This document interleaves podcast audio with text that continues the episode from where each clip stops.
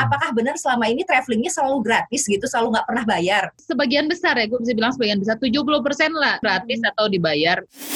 Kalau di travel blogging ya, kuenya tuh besar hmm. di luar pandemi ini ya kuenya itu besar yang makan kuenya tuh masih dikit beneran karena sering oh, banget tuh, orangnya itu itu lagi lah sini lagi sini lagi yang gue lihat ya tourism board masih kebanyakan pengennya juga ada blogger karena mereka pengen konten yang less ada di situ gitu.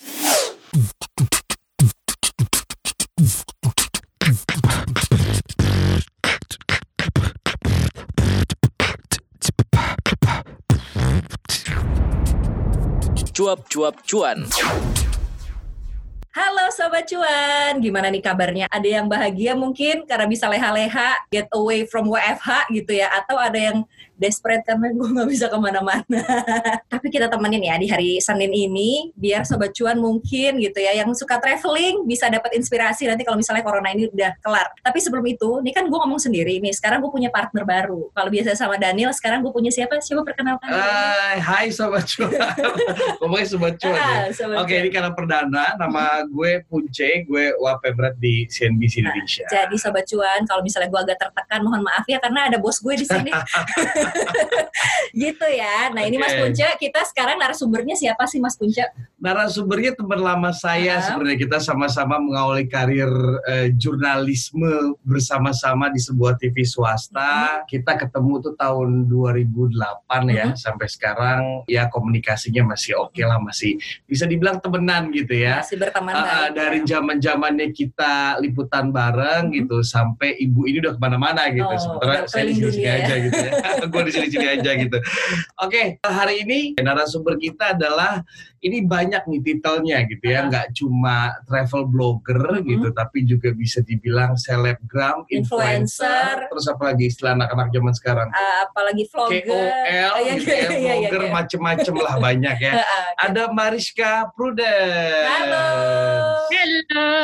Halo Sobat Cuan. Nah, kita panggilnya Kakak Pru aja ya. Yeah. Boleh. Kakak Pru gimana nih kabarnya di corona-corona ini? Karena kan biasanya uh, udah hmm. ke mana-mana ya. Hmm. Kalau kita lihat kan uh, ke di belahan dunia mana, di belahan yeah. Indonesia mana gitu. Kadang tuh kalau ngelihat gini, uh. kalau ngelihat story-nya Pru ya, bahkan gak 24 jam pulang ke rumah itu dia bisa pergi lagi gitu uh -uh. ke satu destinasi. Bukan begitu Kakak Pru?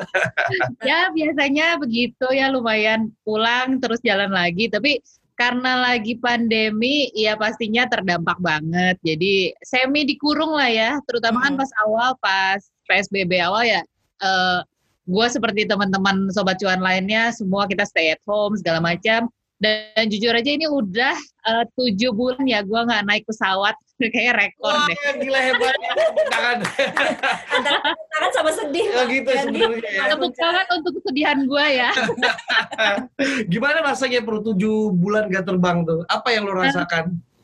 Uh, ternyata surprisingly gue pikir gue bakal gila ya kalau satu bulan aja gitu nggak jalan tapi ternyata uh, mungkin orang bisa karena dipaksa ya bukan bisa karena biasa gitu jadi uh, dijalanin bulan awal tuh berasa banget kayak kayak hampir gila ya kayak semua orang gitu kan. Kita semua video call tiap hari segala macam gitu kan. Um, tapi lama-lama sih jadi jadi biasa di rumah biasa kayak ya udah aktivitas sendiri aja gitu atau sama kakak gua aja gitu. Dan ya ternyata biasa akhirnya bisa juga sih gitu. Nggak gila juga sih. Hmm, jadi travelingnya di sekitar rumah aja ya?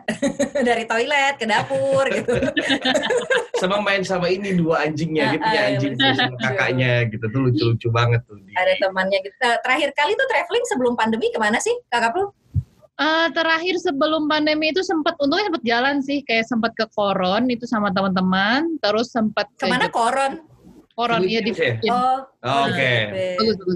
Terus sempat ke Jepang juga gitu. Terus sempat ke Jawa Tengah juga, terus pandemi. hmm, udah udah ke mana-mana sih. Udah ke mana-mana kalau dia sih gitu ya. Emang gitu. Uh -uh. Jadi kalau selama ini kan konten-kontennya Kakak Pru kan kita tahu ya traveling lah, ada tips-tipsnya juga hmm. gitu, nggak cuma destinasinya apa aja gitu. Nah sekarang nih mengisi konten-konten, sementara kan Kakak Pru kan memang sudah sepenuhnya gitu ya, mengisi konten itu jadi travel blogger, jadi vlogger gitu, jadi KOL kalau kata Mas Punca tadi gitu.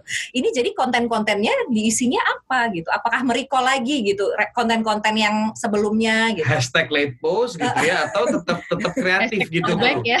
Iya. uh, Sebenarnya kombinasi aja sih ada yang throwback pastinya liburan ke mana gitu-gitu. Terus ada juga yang awal-awal menarik sih karena kan gue bener-bener sendiri di apartemen nggak uh, ketemu siapa pun gitu. Jadi kayak benar-benar muter otak nih mau bikin foto di mana nih akhirnya bikin foto di mesin cuci bayangin mesin cuci oh tapi jadi keren banget loh kalau lihat pakai iya. timer yeah. gitu kan oh. depan kulkas lah apa segala macam tapi kan uh, akhirnya bulan keberapa ya gue uh, tinggal bareng sama kakak gue mm-hmm. terus pas mulai PSBB pelonggaran itu Juli akhirnya untuk pertama kalinya setelah pandemi nyobain jalan ke Pulau Seribu gitu kan mm. terus ke Taman Safari akhirnya jadi explore yang lumayan deket-deket sih yang dulunya dulunya nggak akhiran gitu untuk didatengin akhirnya jadi main gitu kayak ke kebun raya gitu kan. Kayak dulu kan hmm. kita nggak mikirin itu ya sekarang kayak ternyata enak juga gitu. Ternyata banyak alternatif juga yang bisa didatengin. Bisa berjarak terus cari cari jam sepi gitu kan cari area yang sepi masih bisa kok kita refreshing gitu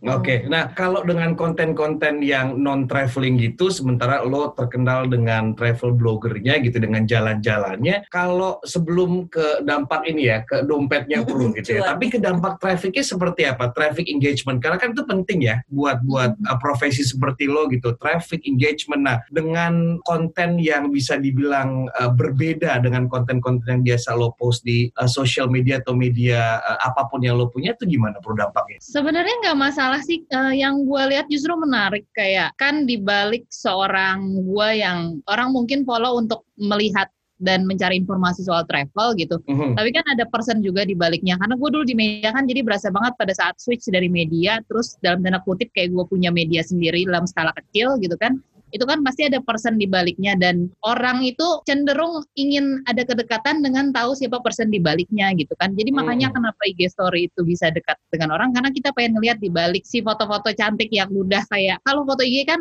sangat furnished ya gitu ya. Udah hmm. diedit, dipilih yang terbaik segala macam lah gitu. Mostly orang-orang seperti itu gitu kan. Tapi kan ada person di baliknya dan menurut gue pada saat gue posting hal-hal di luar travel itu menunjukkan diri gue gitu dan pada saat kayak pandemi ini nunjukin juga kalau gue orang juga loh, gue manusia hmm. juga yang kena dampak pandemi gitu seperti kalian semua pada saat semua stay at home ya orang-orang yang biasa jalan-jalan ini juga harus stay at home gitu. Jadi nggak masalah sih dan apa ya kalau dari dari kayak kayak ngelihat engagement sih tinggi-tinggi aja gue ngelihatnya ya gitu kan hmm. karena karena mungkin situasinya kayak gini orang orang berasa relate gitu karena gue juga masih nahan diri ini orang yang gue lihat di IG, di hmm. misalnya gue liatin blognya segala macam juga masih nahan diri. Jadi kayak ya da, semacam teman lah orang bilang teman online, tapi ya ya kurang lebih seperti itu gitu. Jadi don't worry kalau mau posting hal yang di luar biasanya kalian gitu kan, posting sehari-hari nggak masalah kok gitu kan. Kecuali media kali ya nggak mungkin kan tiba-tiba posting apa gitu kan harus ada harus ada patternnya gimana iya. khususnya. Yeah. Jadi kalau personal lebih bebas gitu. Hmm. Engagementnya jadi apa namanya mungkin trafficnya juga nggak keganggu karena orang juga bingung ya nggak hmm. ke mana-mana gitu. Hmm. Jadi ya uh, main internet. Itu gitu. tadi uh, apa ada ada kata dari Pru yang bagus itu adalah itu teman online uh, gitu loh. Jadi lagi nyender kan sobat sender tuh ya kemarin ya sempat tuh tujuh bulan itu gak ke mana-mana akhirnya ditemenin sama story-story lucu-lucunya dari Mariska Prudence gitu. Nah semua merasakan hal yang sama juga gitu ya. Uh, nah kalau ke pendapatan nih Bro gitu, hmm. apakah juga akhirnya turun gitu kan? Karena kan balik lagi Uh, lo uh, terkenalnya kalau dari sisi follower lo kan memang travel blogger gitu ya jalan-jalan sementara kita nggak boleh jalan-jalan sekarang itu dampaknya gimana bro? Kalau ke pendapatan banget sih ya, apalagi pas awal itu kan uh, sebenarnya kan kalau gue pendapatan tuh misalnya dari blog bisa dari blog, uh, terus bisa dari Instagram gitu kan ya. Um, terus bisa juga dari event atau misalnya jadi pembicara. Semua pada saat awal itu kan semua event cancel kan udah hmm. pasti gitu. Hmm. Ada beberapa trip udah jelas cancel, event-event misalnya event yang orang datang kan belum zaman tuh event offline yeah. itu yeah. juga gitu kan. Terus uh, brand-brand yang udah punya campaign bingung semuanya kayak ini gimana ya kita nggak enak juga pada saat kondisi lagi gitu kan di, di bulan-bulan awal bulan Maret, April, Mei itu kayaknya brand semua masih kayak kebingungan kan ya. Lalu mulai setelah itu mulai ada acara-acara offline gitu kan webinar segala macam. Jadi di bulan-bulan awal sih benar-benar babak belur sih kayak kalau dihitung dari Hmm. pendapatan ya kan benar-benar hampir zero gitu. Uh, tapi di berikutnya tuh mulai ada kayak event-event offline gitu kan. Walaupun gue belum ambil kerjaan yang jalan, terus kayak campaign-campaign juga udah mulai udah mulai jalan gitu campaign yang Hmm. online ya. Jadi kalau dari segi pendapatan masih ada gitu kan ya walaupun memang berkurang banyak. Kalau misalnya kayak kayak ditanyain kan pas awal-awal tuh Fe- si cover tuh cowok gua si Ferry sempat bilang gimana kerjaan gitu uh, amsyong nggak gitu kan terus gue bilangnya wah kerjaan sih amsyong tapi ya tabungan untungnya aman lah gitu Hmm. jadi amsyong amsyongnya kerjaan usahain tabungan lu aman gitu Ka- Kalau dibandingin sama eh, normal sebelum pandemi sama di awal-awal pandemi dropnya berapa persen, bro? wah dropnya 80% ada kali ya gitu kan ya Hmm. tapi kan kalau freelance kan kita misalnya kerjaan nih kita lakuin bulan kemarin kita kan duitnya baru datangnya kayak invoice-nya baru cair Iya, iya, iya. not three months later gitu ada juga kan yang Ah, ah, ah. lumayan lama gitu jadi Hmm. mungkin gue hitungnya dari eh, pekerjaan per bulan itunya memang di awal-awal tuh turun banget sih 80% adalah kayak Hmm. kerjaan cancel terus kayak misalnya cancel juga ada yang udah keluar kontrak kan gak enak juga ya kalau kita maksa si brand atau siapa untuk bayar gue ngerti gitu ini kondisinya kan emang susah buat semuanya jadi Hmm. pada saat ada yang ini di cancel deh ya udah nggak apa-apa it's okay gitu. Walaupun memang sudah ada kontrak segala macam ya udah it's okay. Karena kan ya bisa dihitung force major lah ya kalau lagi kayak gini gitu kan. Dan lu nggak boleh egois juga gitu ngelihat karena semua kena gitu kan dampaknya Hmm. Oke. Nah ini kan ngomong-ngomong soal freelance, kakak Pru ini kan dulunya pernah bekerja sebagai jurnalis gitu ya, Hmm. digaji lah bulanan, kemudian switch ke freelance dan ternyata memang eh, luar biasa ya, jalannya jalan yang benar gitu, jalan yang terbaik nih kayaknya dipilih. Dan Ini jalan- punya jalan media yang kecil kelas. sendiri Ah. tadi istilahnya ya. Eh, eh, punya jalan ninja sendiri ya dengan media sendiri gitu. Nah Hmm. kakak Pru ini gimana sih cara mengatur keuangannya kalau misalnya dulu sebelumnya gitu ya, sama sekarang ketika pandemi ini gitu. mungkin gue ngitung kayak kalau freelancer tuh kayak lu wajib mungkin orang bilangnya tiga bulan tapi menurut gue sih eh, lu wajib punya tabungan untuk hidup lu selama satu tahun sih kalau menurut gue ya Oke. Karena- kayak kondisi-kondisi orang kan bilang tiga bulan enam bulan tapi ini kayak kayak gini pandemi kan udah lebih dari tujuh bulan gitu dan Betul. ketidakpastian itu bisa berlangsung sangat lama jadi menurut gua lo harus punya tabungan untuk lo at least hidup normal sederhana gitu kan. Lo bisa makan itu selama satu tahun gitu. Terus insurance menurut gua penting banget sih. Kalau lo ngantor lo kan dapat insurance gitu kan dari kantor.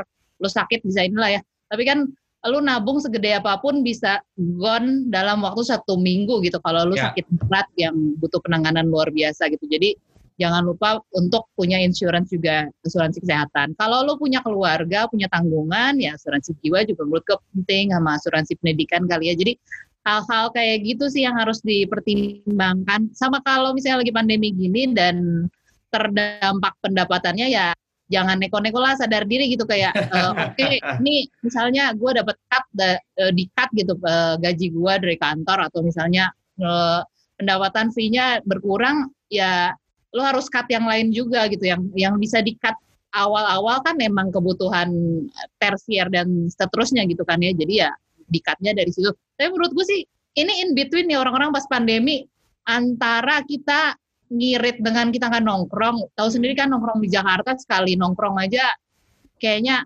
150 ribu minimal ya, minimal Iya. banget. Sebenarnya. Mhm. Apalagi kan kalau nongkrongnya seharian sama teman-teman, nambah kopi dua kali, terus nambah apa tiba-tiba keluar keluar ini, hah 500 ribu gitu kan. Tapi jadi eh, dari mungkin biaya-biaya nongkrong berkurang, nggak ada nonton segala macam, tapi orang gua lihat sih super belanja online ya nggak sih?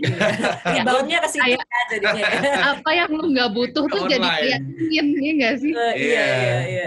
Bocornya di situ jadinya ya. Nah, bocor nggak- alus katanya. Lalu tapi Iya. di mana-mana. iya, bocor alus soalnya katanya oh ini free ongkir kok ini cuma berapa puluh ribu Iya. gitu. Tapi yang datang ada 15 paket gitu ya sama aja bohong gitu ya. Dan ini terjadi sama kakak Pro juga. Jadi akhirnya kayak reboundnya atau refreshingnya gitu jadinya Ke belanja retail online. therapy Uh-uh. tapi online gitu. Iya lu- lumayan sih apalagi awal-awal di apartemen sendirian kayak oke deh eh, ngapain ya sendirian gue dekor di apartemen. Aduh ini kayaknya bagus ya buat ditaruh di mana nyari-nyari aja gitu. Nyari-nyari kerjaan ya jadinya ya menyibukkan diri ya dengan itu ya. Nah tapi ini juga kan mungkin kalau misalnya sobat cuan gitu ya mikir selama ini kalau kita nih yang bukan travel blogger gitu kita nabung untuk kita cuti atau liburan gitu ya keliling Terus baru traveling, uh, baru gitu traveling ya. gitu Ah. ngabisin duitnya di traveling gitu kan Mm-mm. tapi kan ini kakak Pru adalah orang yang menghasilkan uang dari traveling gitu kan Mm-mm. apakah benar selama ini travelingnya selalu gratis gitu selalu nggak pernah bayar sebagian besar ya gue bisa bilang sebagian besar 70% lah 70% Hmm. gratis atau dibayar karena kan ya seperti media aja lah ya cuman karena punya sendiri ya duitnya lari ke tim gue juga gitu kan Hmm. Eh, kalau 30 persennya gue akan selalu kayak alokasiin budget untuk gue jalan sama antara sama teman-teman atau sama keluarga karena beda sih ya gimana pun juga jalan untuk kerja sama jalan yang benar-benar totally jalan-jalan gitu. Jadi harus ada sedikit balance-nya juga di situ harus sekalian ini juga yang ngasih ke mental ke diri sendiri juga jangan supaya jangan mau gratisan mulu gitu Mbak. Hmm.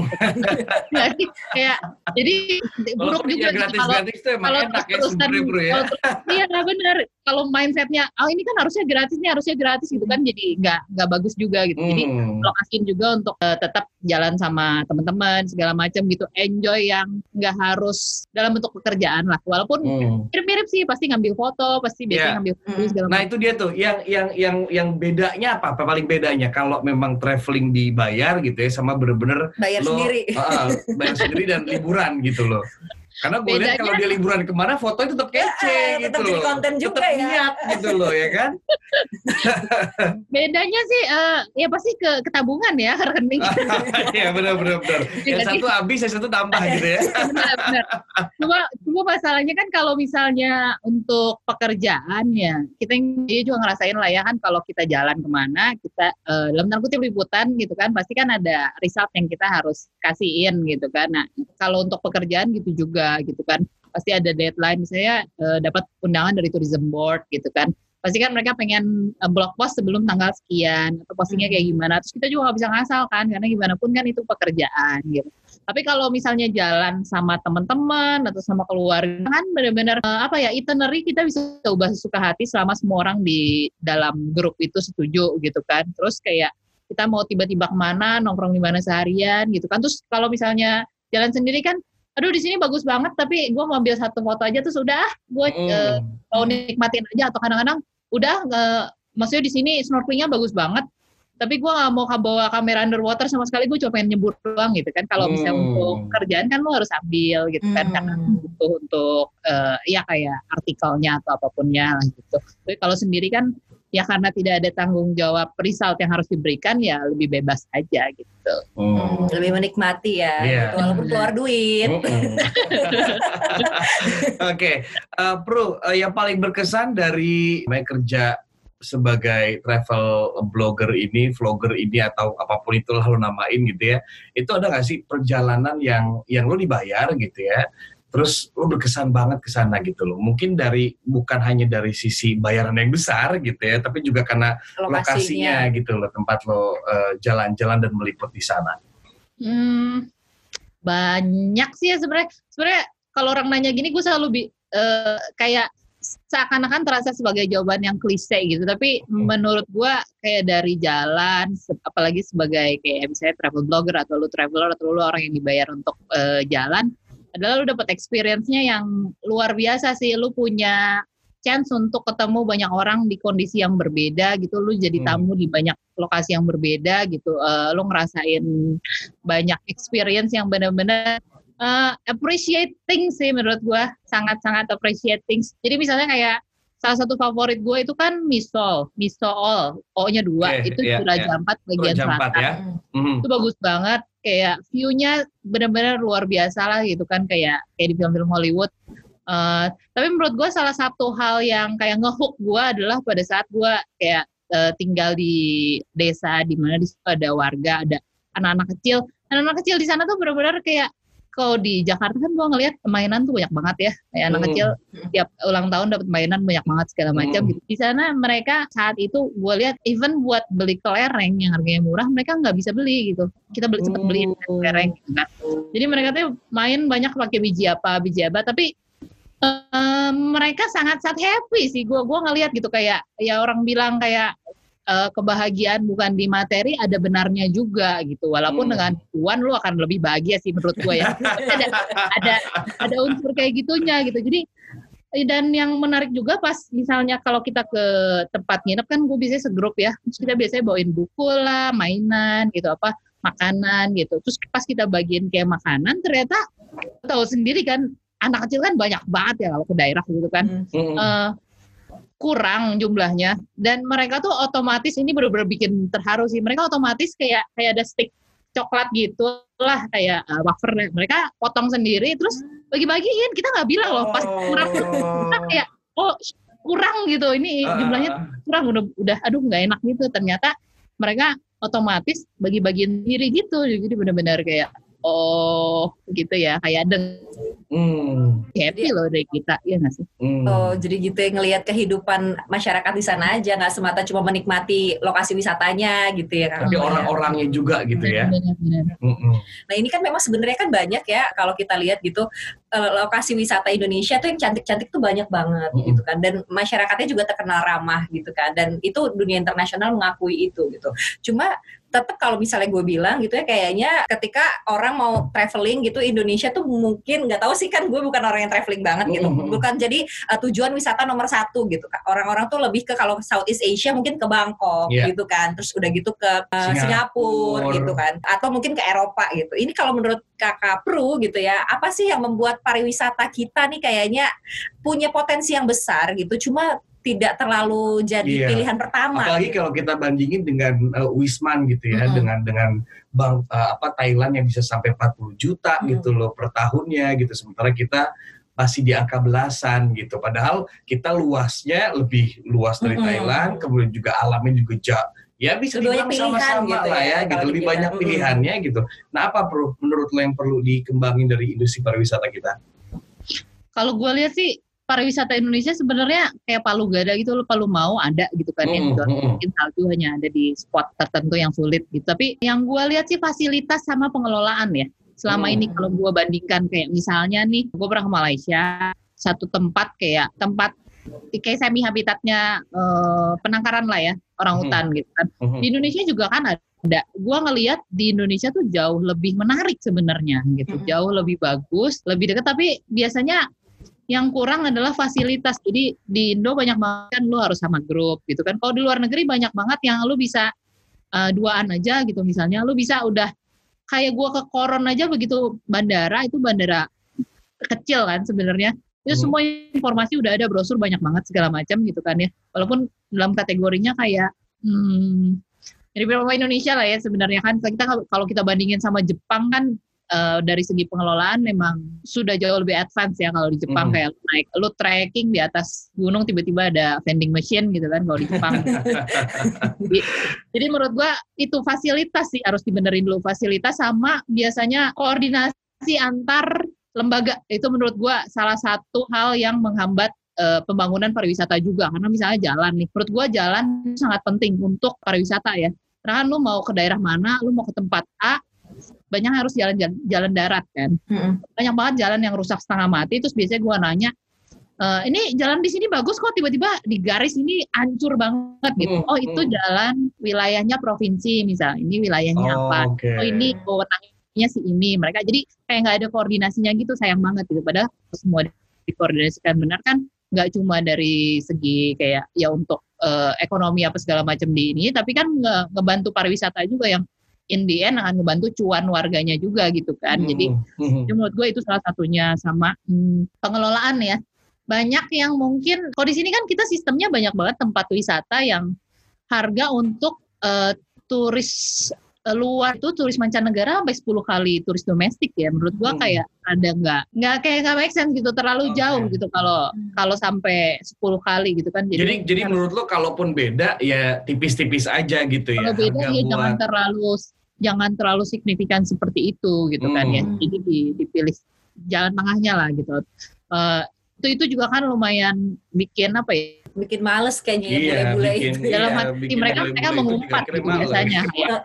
Oh gini banget sih gitu ya nggak? Hmm. Itu kan uh, itu kan menurut gua lumayan gak bagus juga gitu buat orang pada saat-saat experience sesuatu terus ada hal yang kurang menyenangkan biasanya dia akan menahan menahan untuk nggak uh, ajak teman-teman ke situ lagi gitu biasanya kayak gitu kecuali dalamnya bagus banget segala macam hmm. gitu pengelolaan sama banyak juga tempat yang kayak lu masih sulit didapat informasinya gitu jadi kalau orang asing gitu mau masuk sini gitu. Jadi dia benar-benar harus pakai guide segala macam. Sementara di luar banyak yang informasi sudah kita bisa dapatkan dari internet segala macam, udah kita tinggal jalan aja gitu kan. Jadi jadi memang ada beberapa ya fasilitas pengelolaan gitu kan ya sama lebih apa ya lebih memberdayakan masyarakat lokal dengan cara yang baik kali ya menurut gue ya hmm. karena banyak tempat uh, misalnya kita masuk tuh ada biaya masuk lah gitu ya jatah premannya lah intinya kayak yeah, gitu yeah, yeah. sebenarnya menurut gue daripada kayak gitu kayak lu masuk gerbang A lu bayar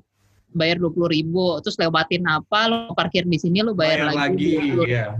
terus lu mau foto di sini lu bayar lagi lima belas ribu kenapa nggak dibikin sistem aja misalnya dari awal masuk lu bayar uh, per orang bayar misalnya lima puluh ribu tapi di dalam udah nggak diapain lagi gitu kan ya. Mm-hmm. tapi benar-benar uangnya dikelola gitu dan misalnya ada WC-nya gitu loh terus yang kerja di situ terus ada guide-nya misalnya lo pakai guide tambah bayar lagi tapi pakai orang-orang lokal gitu. Jadi jadi mereka cari uangnya yang sudah koordinasi dengan baik yang enggak dalam tanda kutip membuat tamu nggak nyaman gitu kan ya. Kan kan nggak semua orang nyaman dengan ada yang bodoh amat ya udahlah nggak apa-apa nggak apa-apa gitu kan. Cuma bayar doang gitu. Walaupun ujung-ujungnya bayarnya sama tapi secara mental beda banget gitu. Hmm. Pada saat tuh kayak berasa lu berasa dipalakin sama lu berasa oh ya gue bayar tiket gitu kan. Itu kan beda. Hmm. Gitu. Yeah, Jadi yeah, mungkin yeah. pengelolaan juga penting gitu dan pengelolaannya jangan mengabaikan orang-orang lokal gitu karena gimana juga kan itu kan memang tanahnya mereka itu tempat mereka hidup gitu kalau misalnya dibilang ya kita kan bangun di sini kita ngin pariwisata tapi duitnya cuma lari ke satu sisi aja kan juga sayang gitu jadi bukan sayang sih nggak adil sih menurut gua jadi hmm. jadi ya di memang sulit, memang bertahap, tapi ya bisa dilakukan pelan-pelan gitu sih. Hmm. Jadi pariwisata itu tidak hanya menyenangkan si turisnya aja gitu ya atau wisatawannya aja, tapi orang-orang di sekelilingnya juga hmm. gitu biar terdampak. Karena, begini ya, karena kalau misalnya orang-orang di sekitar tempat pariwisata itu juga merasa manfaat dari hmm. situ, pasti kan mereka juga akan Benar. lebih menjaga hmm. gitu kan tempat tersebut, hmm. juga akan mereka otomatis akan lebih ramah gitu hmm. karena tahu oh ini turis-turis ini bawa Super uang loh gitu, gitu ya, gitu, gitu loh ya kan. bukan malah jadi terganggu atau sebel hmm. gitu ya, kan ada memang beberapa objek wisata yang bagus tapi ah, kita agak kesulitan ke sana iya, gitu. Pasti ada lah beberapa beberapa tempat gitu yang kita akhirnya gara-gara ya itu ada jatah preman itu akhirnya udah jadi males kita nggak mau balik lagi terus juga rekomendasiin ke teman-teman kita atau keluarga kita untuk gak usah deh gitu karena hmm. banyak banget hmm. misalnya jatah-jatah preman dan pungutan-pungutan liarnya gitu hmm. pas mau ke hmm. suatu tempat gitu nah masih ngomongin tempat pariwisata gitu kan pariwisata ini jadi sektor yang paling terpukul pro ya bisa dibilang gitu uh, karena pandemi eh, COVID-19 ini. Nah, menurut lo apa yang perlu mulai dilakukan nih, mulai dari hmm. pengelola pariwisata, pemerintah gitu, untuk bisa rebound lagi, ya agak lebih cepat lah gitu loh daripada proyeksi-proyeksi yang udah dikeluarkan gitu ya, bahkan paling cepat akhir 2021 atau bahkan ada yang hmm. bilang 2022. Nah, apa nih menurut lo yang bisa dilakukan gitu Karena kalau kita balik lagi lo aja mungkin gue tanya sekarang udah berani belum terbang belum kali ya gitu loh. Karena kan memang confidence dari si apa namanya orang-orang ini untuk berwisata kan juga harus ditingkatkan gitu. Nah menurut lo apa perlu yang bisa dilakukan? Uh, menurut gue fokusnya memang ke turis domestik dulu kali ya. Kalau untuk mancanegara kan masih sulit. Case di Indo masih tinggi banget. Kayaknya untuk uh, dari negara lain masuk ke Indonesia masih sulit banget lah ya kan mm-hmm. negara udah pada bikin travel bubble tapi kita di luar bubble-nya pasti hanya melihat dari luar kayak hello gitu. jadi menurut gua memang fokusnya ya di pasar domestik dulu tapi harus diingat juga emang ini pandemi gitu jadi lu nggak bisa berharap kayak sebelum pandemi mm-hmm. segala macam harus disesuaikan dan memang ada tipe-tipe tertentu yang nggak bisa gitu misalnya kayak ya kayak konser lah gitu kan nggak nggak bisa lu mau mau kayak gimana gitu kan dibuatnya gitu social distancing juga nggak bisa masalah iya, gitu. gitu. Ada ada beberapa ada beberapa kegiatan yang memang kayak buntu gitu loh dipikirin lu mau pikirin sampai jungkir balik kayak apa juga sulit banget gitu kan ya untuk mm. bisa workout di saat pandemi ini. Jadi misalnya di uh, sekarang mau boosting pariwisata domestik ya dipilih juga gitu nggak bisa expect semuanya ini. Jadi misalnya di di sini oh, oke okay, di sini ada resort uh, bisa berjarak segala macam gitu kan banyak outdoor terus sebelahnya misalnya pijet gitu yang yang tempatnya indoor kecil segala macam kan misalnya kayak di Bali kan banyak banget ya lu nggak yeah. bisa iya. expect ikut langsung jalan juga gitu mungkin mm -hmm. untuk sementara gua nggak tahu sih ini emang masalahnya tuh kalau dipikirin benar-benar benar-benar nggak uh, bingung banget gitu kan ya. Walaupun mungkin orang bilang ini nggak adil, yang ini bisa jalan, ini enggak, tapi ya gimana kondisinya kan seperti ini gitu. Jadi gue sih berharapnya kayak dari pemerintah ya udah dipilah dulu mana yang bisa kita at least kalau misalnya ini ada ada yang jatuh nih nggak semuanya jatuh gitu loh. Kayak ya gimana pun kan kondisi yang yang membuat seperti ini gitu. Bukan berarti kayak pilih kasih atau gimana gitu jadi jadi dipilih ini tipe hmm, perjalanan yang memungkinkan untuk dilakukan, bisa dilakukan dengan social distancing segala macam gitu kan ya. Tapi ini yang kayaknya masih sulit deh ditahan dulu gitu. Mungkin yang tahan dulu bisa dikasih antara kalau di luar negeri kan ada ada bantuan uh, dana ya untuk pelaku usaha gitu. Mungkin bisa di bisa kayak gitu juga gitu kan ya. Uh, ya setiap pelaku usaha pasti bingung banget sih sekarang. Cuma ya gitu yang bisa yang bisa jalan ya udah di situ dulu gitu. Jadi hmm. at least roboh jangan roboh semua. Mudah-mudahan yang bisa jalan bisa rada nge-support yang saat ini masih mandek gitu sih.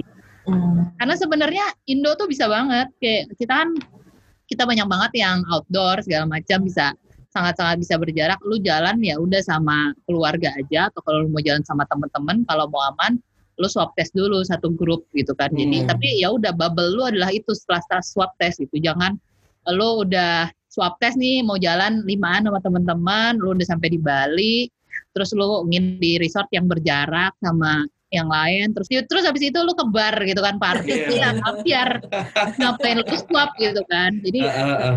harus harus itunya harus di harus diperhatikan juga. Itu ya apa protokol kesehatannya dijaga uh, itu keywordnya. Keywordnya tetap jalan keyword kan sekarang.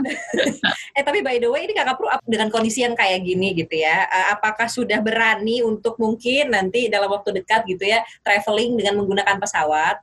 Karena kalau gue lihat beberapa travel uh, blogger, vlogger itu udah mulai tuh gitu beberapa ada yang berani gitu loh. Kenapa lo memutuskan? Gue yakin sih dia udah dapet tawaran nih sebenarnya uh. nih gitu loh. Cuma gue uh, uh, gue yang mau tanyain lah kenapa lo masih masih belum berani? Atau ada alasan lain? Sebenarnya kalau naik pesawat sih menurut gue fine fine aja ya karena mm -hmm. uh, dari luar juga udah banyak penelitiannya sebenarnya bisa aman asalkan hmm. semua orang mematuhi pakai masker segala macam hmm. gitu kan.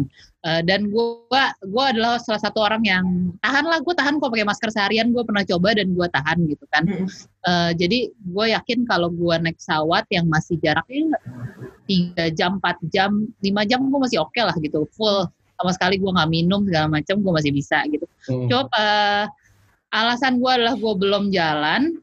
Uh, gue nggak tahu ya nanti bulan depan apa gimana adalah gue masih belum yakin untuk encourage orang-orang untuk bepergian jauh gitu. Hmm. Tapi apalagi kan pas awal-awal ini case tuh masih tinggi banget di Jakarta. Hmm. Di luar di luar Jakarta itu kita belum tahu. Kalau sekarang sih menurut gue udah ambiar ya, udah ke mana-mana gitu kan. Kalau dulu tuh sebenarnya masih bisa ditahan, tapi sekarang kayak udah kondisinya udah sangat sulit gitu. Uh, jadi um, apa ya? Dan yang penting juga adalah orang untuk tahu kalau misalnya lo melakukan perjalanan uh, kan risikonya ada dan bisa dibilang risikonya besar gitu jadi hmm. jangan sampai orang melakukan perjalanan cuma ngelihat aja gini oh ini orang jalan nih gini sini sini tapi kan kadang kita nggak tahu nih dia sebelum jalan uh, maksudnya dia setelah balik banyak banget temen gue yang dia naik pesawat ke Bali terus setelah balik tuh di hotel dulu dua hari terus swap gitu kan. Oh, Tapi kan oh. semua orang punya privilege untuk itu ya. Gitu. Jadi takutnya oh udah aman nih sih ini kan baru dari dia baru dari Bali baru dari Komodo gitu terus dia balik. Orang nggak ngelihat prosesnya itu loh swab dulu apa segala macam gitu kan. Balik keluarganya baik-baik aja gitu kan jadi jangan sampai amit-amit yang ngelihat oh ya udah aman nih nggak apa-apa gitu kan jalan oh. balik dianya nggak apa-apa tapi orang tuanya kena gitu misalnya. Hmm. gitu karena karena case itu ada di di circle lu udah ada belum yang kena? Gue nanya deh. Ada uh, ada pasti. Keluarganya. Ada. Ada kan? Ada. Uh-uh. Jadi kasusnya memang udah banyak gitu, tapi mungkin orang nggak berasa pada saat belum masuk di circle yang sangat dekat sih menurut gua ya. Jadi hmm. yang terus terusan harus diingetin ke orang-orang. Bukan berarti lu nggak boleh aktivitas, bukan berarti kita semua harus masuk ke gua bawah tanah segala macam hmm. gitu kan, terus makan makanan kaleng selama bulan-bulan nggak juga. tapi cukup cukup patuh aja ya udah ini kan lagi pandemi ya pakai masker kalau lu berasa ngap pengen buka maskernya cariin jauh-jauh cari outdoor gitu kan sebenarnya bisa hmm. dilakuin juga gitu jadi yang kemarin gue belum jalan ya karena gue masih belum mau encourage orang. Kalaupun nanti uh, one day gue jalan, gue pengen gue sangat menjelaskan itu sih kayak kayak kemarin okay. gue balik kan ke Bandung gue bilang gue swab dulu gitu kan, mm-hmm. jadi uh, eh, gue mau benar-benar totally aman. Terus gue bilang juga kalau misalnya lu nggak nggak nggak bisa swab, ya tahan dulu jangan pulang dulu ke rumah. Okay. Atau kalaupun nggak bisa swab tapi udah nggak tahan banget pengen ketemu orang tua pakai masker gitu. Mm-hmm. Jadi sebenarnya kalau ada cara sih. Jadi sebenarnya kayak lebih ke tanggung jawab sosial lo aja uh, gitu ya. Tanggung jawab moral sebagai betul, influencer ya. Betul, karena banyak followersnya uh, di mana-mana gitu ya. Jadi lebih ke sana juga bro yang jadi concern lo kenapa lo sampai sekarang juga belum berani trip jauh dan naik pesawat gitu ya. Salah satunya itu juga sih. Terus gua ngelihat uh, ada case ada case yang memang benar-benar kena gitu kan yang ada ada bokapnya temen gue benar-benar meninggal loh dan dan hmm. dia tuh tadinya sehat banget segala macam gitu. Jadi kan orang tuh di masa lah bulan Maret kan semua orang takut nih. Wah, takut lah kita borong hand sanitizer. Iya, iya. Terus mulai orang bodo amat gitu. Jadi dari takut terus ngeliatin ini kayaknya nggak apa-apa, nggak apa-apa, nggak apa-apa gitu kan. Tapi menurut gue ini kayak sehat aja kok gitu ya. Bener.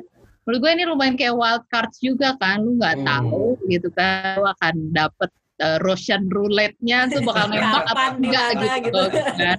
There's always a chance gitu. Jadi gimana pun kita minimize aja uh, hmm. chance buruknya gitu. Bukan berarti nggak boleh ngapa-ngapain gitu. Hmm, gitu. Nah kalau misalnya ini semua sudah berlalu gitu kan, vaksin kan katanya November nih. Amin.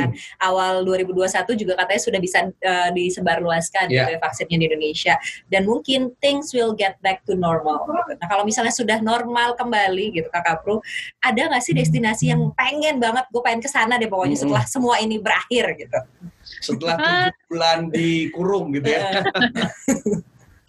gue sih ngerasa mungkin uh, sebelum semua ini berakhirnya kan kayaknya masih lama sih gitu kan ya. Jadi ini yang domestik domestik dulu. Tapi pada saat misalnya sudah bisa keluar itu kan gue pengen banget ke Jepang lagi sih karena oh, iya. banget emang salah satu kangenin ya Jepang tuh ya kangenin ya gak sih hmm. gitu kan salah satunya gitu. Sama lu udah normal sih pengen trip rame-rame lagi ya yang Betul. sembarangan yang hmm. lu bisa berhenti di mana aja jajan di mana aja lu bisa makan terus kayak eh cobain deh ya nggak sih kayak gitu yeah, kan yeah, yeah, yeah, yeah. itu hal kecil tapi sekarang kayak berasa dulu kan kayak kita bisa beli jajanan apa kita gigit yeah. uh, uh, uh, cilok lah gitu kan yeah. ambil ayat ahnya gila ciloknya cobain, cobain. deh gitu kan. udah mikir di situ udah ada yeah. bekas dropletsnya orang-orang tuh nggak nggak mikir sama sekali kan mm -hmm. apalagi Jepang banyak makanan enak-enak ya bro ya lebih seru sharing-sharing nyoba ini cipik-cipiknya uh, temen gitu. Segigit, segigit, segigit ya. Kalau sekarang kayaknya mikirnya seribu yeah, kali. Yeah.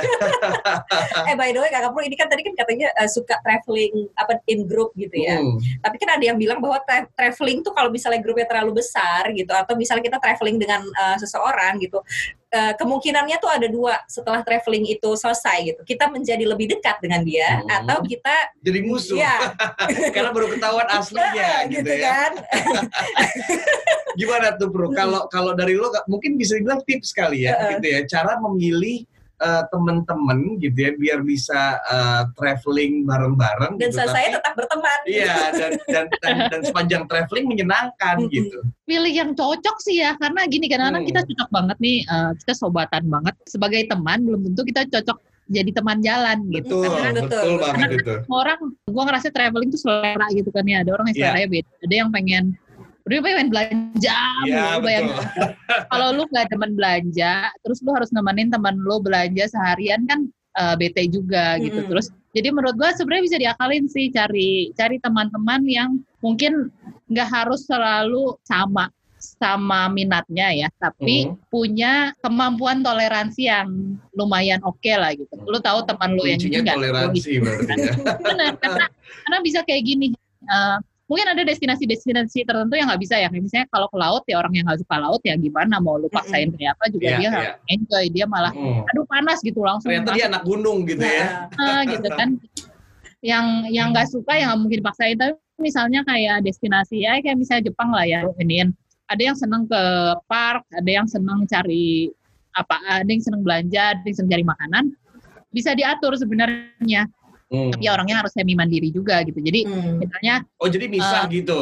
Di di misah, itinerary itu misah gitu jam berapa ada yang ketemu lagi gitu. ada yang bisa gabung gitu. Oh, jadi okay. kadang-kadang suka kayak gitu juga. Jadi kalau jalan, oke okay, gue mau ke sini dulu, lu mau ikut nggak? Kalau lu nggak mau, lu mau ke sana gitu kan. Hmm. Uh, kalau misalnya ada jauh ya udah nanti kita ngumpul pas makan malam gitu. Oh, Oke. Okay. Enggak, masuk sekitaran at least makan siang bareng terus dalam satu hari ada satu spot yang bisa bareng lah gitu. Hmm. Nggak itu, itu bisa harus bareng-bareng terus gitu ya? Nggak uh, perlu harus bareng-bareng makanya tapi cari temennya juga itu tuh yang harus bisa toleran gitu kan, yang harus nggak yang jangan manja yang segala macam harus ditemenin gitu kan ya kayak mau kue jadi beban ya uh, uh, ya ada waktu kita liburan di sana nemenin dia gitu ya. Iya.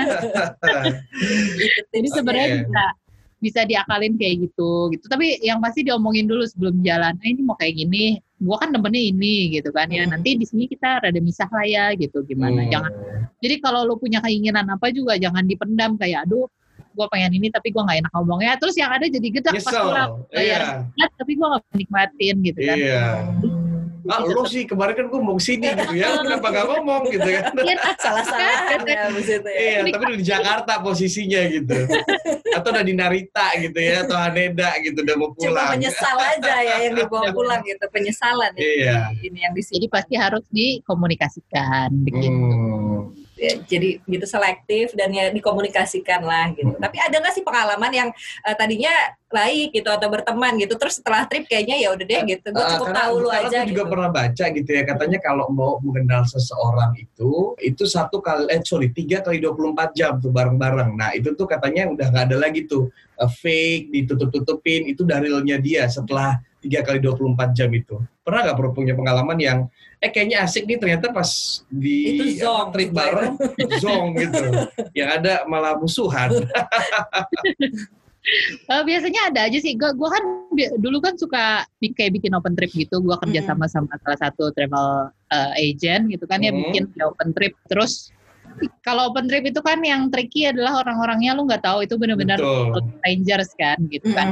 Um, Nah, biasanya kadang nggak nggak selalu sih. Uh, biasanya destinasi udah ngefilter orang ya. Destinasi yang rada aneh biasanya orangnya udah ngefilter yang nggak ribet, nggak rempong gitu. hmm. gitu. Tapi kadang-kadang ada aja nyempil satu yang mungkin complainers itu kadang suka muncul ya. Hmm. Ini ini komplain, ke sini komplain, atau kadang-kadang uh, rada egois mungkin gue mau di sini gitu kan yang nggak hmm. mikirin yang lain gitu kan itu kadang-kadang ada tapi biasanya untungnya cuma satu sih biasanya adalah satu trip. Misalnya satu trip isi 12 orang satu ada yang kayak gitu. 10 orang hmm. ada satu kayak gitu. Tapi nggak nggak pernah sampai berkonflik sih untungnya. Karena yang lainnya mungkin tipenya chill kali ya. Ah, ya udahlah gitu. Hmm. atau misalnya kalau ini komplain apa dicuekin gitu kan. Ya hmm. akhirnya komplain juga jadi berasa lah gue dicuekin terus dia jadi beda sama gitu kan. Terus biasanya kalau ada satu yang kayak gitu malah mendekatkan yang lain loh. Oh, jadi ngomongin dia ya gitu. Iya, iya, iya, iya, iya. yang lainnya tuh cuma jadi dekat. Abis itu bikin satu grup lagi yang nggak ada dia. grup WhatsApp, grup WhatsApp cloningan kurang satu orang aja. nah, perlu balik ke tips lagi ya. Uh, kan gini ya, sekarang kan orang traveling itu kan gak cuma untuk relax, gak cuma untuk apa namanya keluar dari rutinitas, tapi juga kan demi konten nih hashtag muda konten. Nah, kalau tips dari lo, lo kan banyak ya orang yang udah riset duluan gitu ya mati-matian dulu gitu, terus dibikin itinerary, oke okay, ini konten gue di sini, di sini baju ini, baju ini, baju ini gitu kan. Nah, kalau dari lo gitu ya, ada tips gak gitu yang kita tetap konten jalan tapi gitu tetap ya, enjoy. tapi uh, uh, tetap enjoy jalan-jalannya juga gitu. Um, menurut gue tiap orang kan beda ya. Mungkin kalau kita ngelihat ada orang yang uh, kayak di sini, kalau gue sih biasanya story-nya sampai hari titik ya. gitu ya. biasanya, biasanya kalau gue ya udah foto di sini ini bagus nih foto-foto udah gitu kan ya terus misalnya nongkrong apa gimana gitu kan. Hmm. Terus soal outfit juga biasanya udah satu baju atau misalnya gue tahu nih ini tempatnya bagus banget pakai baju ini ada baju yang gue bawa lah udah tapi gue akan berusaha supaya nggak nggak nggak ribet buat gue dan oh, nggak oh, ribetin orang tapi gitu. tetap udah disiapin gitu ya sebelumnya ya, ya? disiapin sih kalau okay. kalau tahu wah ini ini hmm. oke okay banget nih tempatnya buat in, buat foto ini gitu uh, eh, gue siapin juga gitu tapi hmm. Menurut gue yang penting ya itu balik lagi teman jalannya sih. Uh, kadang kan mungkin kita ngelihat ih gila rempong banget uh, banyak mama sih. Temen gue yang cerita soalnya dia bawa grup mama. Hmm. Mereka benar-benar kayak spot ini foto, foto. spot ini ganti yeah. baju foto. Tapi kita nggak bisa ngejudge ih kok gitu sih karena mereka enjoy, mereka iya, happy yeah, yeah, gitu yeah, gitu kan yeah, ya. Yeah, yang yeah. mungkin buat kita ngapain sih ribet banget uh, uh. gitu kan tapi mereka enjoy gitu deh. Jadi selama teman-temannya sama-sama demen gituan juga ya nggak apa-apa sih gitu kan ya. Hmm. Kecuali kalau mereka satu orang kayak gitu di grup yang sebenarnya nggak suka kayak gitu ya pasti akan bikin jadi suasana yang nggak enak. Tapi kalau misalnya lu tahu lu demen banget foto dan lu demen banget foto pakai baju yang beda-beda terus lu pengen sehari tiga baju foto shoot segala macam ya it's okay gitu. Tapi hmm. cari temannya yang sama-sama kayak gitu juga. Jadi kan pas ngefotoin misalnya teman yang ngefotoin temennya juga eh ini lucu yang gantian juga gitu. kan kalau iya, fotoin ya, itu artinya. jadi yang penting menurut gue itu juga sih. Karena kan uh, dari yang apa ya cara perjalanan dari sebelum ada dunia digital dan setelah sosial media dan lain-lain kan Beda memang banget ya. ya gitu kan. Mm-hmm. Tapi bukan berarti yang benar si pejalan yang benar adalah pejalan yang menikmati, meresapi tanpa mikirin konten gitu ya. Enggak juga gitu. Kan? gitu. Enggak juga gitu. Jadi uh, gimana pun kan lu traveling kan buat bikin lu happy gitu dan bikin happy tiap orang kan beda-beda. Gue belajar karena gue dari ngeliatin orang sih ini kayak gini oh dia seneng ya ngelakuin ini ya lucu juga gitu. Kayak gini oh dia seneng ya kayak gini gitu. dan uh, pada akhirnya kita nggak bisa bilang kok lu gitu sih? Gitu. Karena kan kesenangan tiap orang beda. Selama dia nggak ngeribetin orang lain menurut gue sih itu oke okay. dia ribet di dirinya sendiri it's okay gitu. Tapi dia nggak bikin suasana jalan jadi nggak enak ya nggak apa-apa sih gitu kan. Karena hiburan juga ngeliatin orang hmm. foto-foto gitu kan lucu. Hmm gitu. Beda-beda ya tiap orang yang tujuan liburannya juga beda Betul. gitu. Nah tapi kalau buat uh, kakak Pru gini ya dari 2011 ya gue ngeliat tuh kayaknya blognya postingannya uh, iya, dari tahun iya, 2011. Iya, iya 2011. Gitu. Uh, iya. Jauh sebelum Hi guys, vlogger traveling itu gitu belum, ya. dari zaman masih uh, blog tuh tulisan, tulisan aja gitu aja, ya. sama foto, uh, video ya. ada video-video uh, secuplik juga uh, uh, ada lah gitu ya. Nggak, nggak semua di record aja gitu ya. Ini dari perjalanan yang sudah sedemikian lama ini gitu ya kakak Pru ya. What is traveling about gitu for you gitu. Akhirnya uh, gitu, menurut gue sih about apa ya experience sih sama self fulfilling gak ya? Tapi kan orang kan oh. kan bilang self self fulfilling itu nggak berarti harus kayak lo uh, untuk jiwa apa segala macam bisa bisa beda beda tiap orang gitu. Jadi menurut gue sih itu sih gue ngerasa banyak banget experience yang gue dapat dan itu lumayan mengubah mindset gue gitu tentang hidup tentang interaksi sama orang gitu segala macam gitu jadi buat gue itu sih Hmm, gitu pengalamannya gitu -hmm. emang ya. Ada orang kan yang foto-fotonya iya. gitu ya. Uh, ada, ada orang yang ada yang orang yang karena ngelihat orang itu foto di situ bagus, gue juga harus ke sana uh, gitu ya. Kompetisi gitu ya jadinya ya. Zaman sekarang gitu. Nah ini kalau kakak Pru ini kan kalau kita lihat gitu sudah banyak sekali vlogger, blogger gitu yang apalagi konten traveling tuh memang diminati orang gitu ya. Apa sih mungkin buat sobat cuan kalau misalnya eh kayaknya gue pengen deh jadi hmm. travel vlogger atau blogger gitu ya. Tapi gue bingung gitu. Apa sih yang bisa gue highlight uh, gitu. gitu loh. Karena kan ini udah jadi profesi ya uh. gitu loh.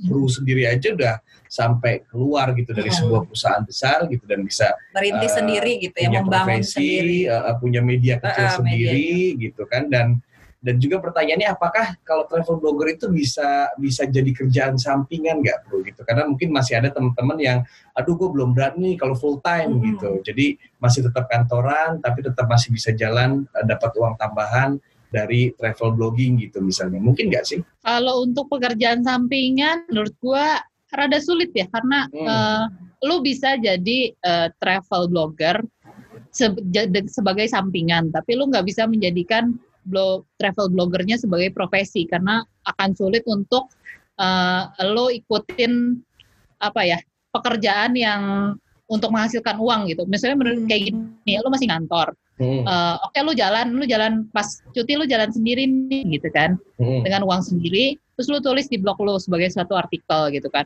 Terus one day misalnya ada tourism board ngundang lu gitu kan. Oh mau ke sini gini gini gini gini gini. Kadang-kadang kan kita harus ngikutin jadwal yang ada gitu dan kadang-kadang kan uh, si yang diundang itu nggak cuma kita doang gitu. Jadi jadwalnya nggak bisa selalu ngikutin bisanya kita kapan gitu. Kalau lu masih ngantor pasti ada keterbatasan itu lah menurut gua. Mungkin hmm. bisa kali-kali diambil sesuai sama jadwal cuti tapi nggak akan bisa fully benar-benar uh, jadi salah satu profesi juga gitu. Jadi hmm. itu yang harus dipikirin sih kalau misalnya mau. Karena travel kan membutuhkan lu jalan ya. Soalnya yeah. uh, lu misalnya makan kan lu bisa bisa ambil di sela waktu gitu kan selama lu masih ada di situ gitu. Atau misalnya kayak lu review barang apa masih bisa gitu kan. Tapi kalau travel kan lu nya si personnya harus ada di sana gitu. Jadi hmm. memang rada sulit kalau sambilan ya. Tapi uh, banyak banget kok dulu uh, teman-teman yang travel blogger yang emang bermula dari uh, kerja kantoran juga gitu kan. Kayak gue dulu juga gitu. Jadi biasanya sih uh, di kayak di dua kaki gitu. Terus ya manfaatin cuti segala macam lah ya. Misalnya ada pekerjaan tapi one day blognya menjadi besar gitu kan sosial medianya menjadi besar ya mereka harus memilih gitu biasanya hmm. gitu. nah antara untuk, keluar kantor gitu atau ya kayak gitu aja terus nah untuk memulai buat yang full time gimana tipsnya bro mungkin cerita dari pengalaman Kalau, sendiri kali ya mulai full time uh, menurut gue sih orangnya harus demen jalan ya kalau enggak kalau enggak jadi beban. lo kan jadi beban loh, bener-bener. Yeah karena banyak mungkin orang ngeliatnya enaknya jalan-jalan sini sini sini tapi lu cobain deh uh, lu cobain sebulan lu jalan empat kali gitu kan ya terus lu balik ya. uh, bangun jam balik dua subuh ngejar first flight gitu ya, ya. dan in between lu ada uh, yang harus misalnya lu harus posting terus lu ada artikel segala macam gue sering banget dulu kayak gue nulis di bandara gitu kan ya. hmm. gue tengah malam gue kelarin dulu karena besok udah jalan ke mana gitu kan jadi itu sebenarnya mirip seperti pekerjaan lainnya. Kalau misalnya lu nggak demen jalan sih, yang ada capek ya karena secara fisik berasa capek gitu. Tapi kalau gue biasanya capeknya gue baru berasa pas misalnya gue balik Jakarta, baru capek banget ya. Terus akhirnya gue bayar tidur lah segala macam gitu kan. Hmm. Uh, jadi pertama lu harus senang dulu dengan jalan-jalan gitu kan. Kalau nggak berasa lah pasti kayak capek apa karena orang kan expectnya jalan-jalan buat happy happy doang. Hmm. Tapi kan kalau dari pekerjaan yang nggak cuma happy happy doang gitu itu terus uh, jangan main resign aja sih menurut gue ya. Karena kayak hmm. oh resign? Gue mau bikin blog gue mau jalan-jalan dibayar. Uh, tidak segampang itu Ferguson gitu kan ya. Jadi apalagi kan sekarang banyak ya uh, sebagai seorang pengundang gue memposisikan kalau gue yang ngundang gitu kan ya gue mau bayar seorang untuk jalan ke sini gitu kan. Pasti kan keuntungan buat gue apa gitu kan? Cuan yang buat gue itu apa? Pasti harus ada harus ada timbal balik. Nggak bisa cuma karena oh kan gue punya blog gitu kan ya. Nggak nggak bisa sekedar itu gitu. Jadi kalau lu punya toko, lu harus ada uh, produk yang menarik dari toko lu, apa yang bisa ditawarkan. Oke. Okay sorry bro, gue potong sebelum ke tips selanjutnya. Lo sendiri pengalaman dari memutuskan akhirnya resign dari kantor itu berapa lama? Gue tuh dulu, uh, gue dulu ngomong, dulu produser gue si Mas Reno kan, gue bilang dulu sama Mas Reno tuh kayaknya enam bulan sebelum deh, hmm. gitu. Sempat bilang Mas kayaknya gue mau cabut deh gitu kan ya, pas saat itu ya. Lalu ya, lah ya, ya. ngobrol-ngobrol segala macam gitu. Jadi nggak nggak tapi uh, satu tahun sebelum itu gue udah mikirin gitu. Jadi hmm. kan putusan yang dadakan sih menurut gue ya. Apalagi saat itu kan juga uh, masih tidak umum lah. Betul belum jadi, banyak kayak sekarang ya. banyak faktor yang masih harus dipertimbangin dulu. Oke lanjut. Dengan tips selanjutnya. ya. selanjutnya uh, profesional sih menurut gue penting ya. Karena kan uh, mungkin orang ngebayanginnya kayak pekerjaan yang main-main tapi gimana pun kan ada result yang harus di karena ini misalnya gue cerita aja gue gue kan nggak ada bosnya gitu kalau dulu kan gue di program gue nggak bikin skrip skrip harus selesai tanggal segini loh karena kita mau ngedit jam segini gitu kan ya. Hmm. Nah nggak bisa, aduh gue males nih. Karena kan ada, kayak, ada, iya, aduh gue mager bosnya. banget besok hmm. aja lah gitu kan ya. Hmm. Uh, selama masih belum deadline, oke. Okay, tapi pada saat deadline ya lo harus kasih gitu kan ya. Jangan jangan jadi kayak mentang-mentang sendiri nggak ada ininya terus jadi aduh nanti aja deh aduh enggak atau kadang-kadang ngilang gitu kan ya itu itu udah paling disaster sih kalau sampai ngilang di saat deadline lu harus ngasih gitu kalau misalnya lu nggak bisa lu ada kendala belum bisa ngasih misalnya artikelnya atau segala macamnya di tanggal yang ditentukan ya lu kasih informasi dulu aduh maaf maaf mas atau maaf mbak ini saya ada kendala dikit, ininya harus diubah dikit segala macam, boleh nggak tanggal sekian gitu. Jadi ngasih tahu dulu in advance. Hmm. Uh,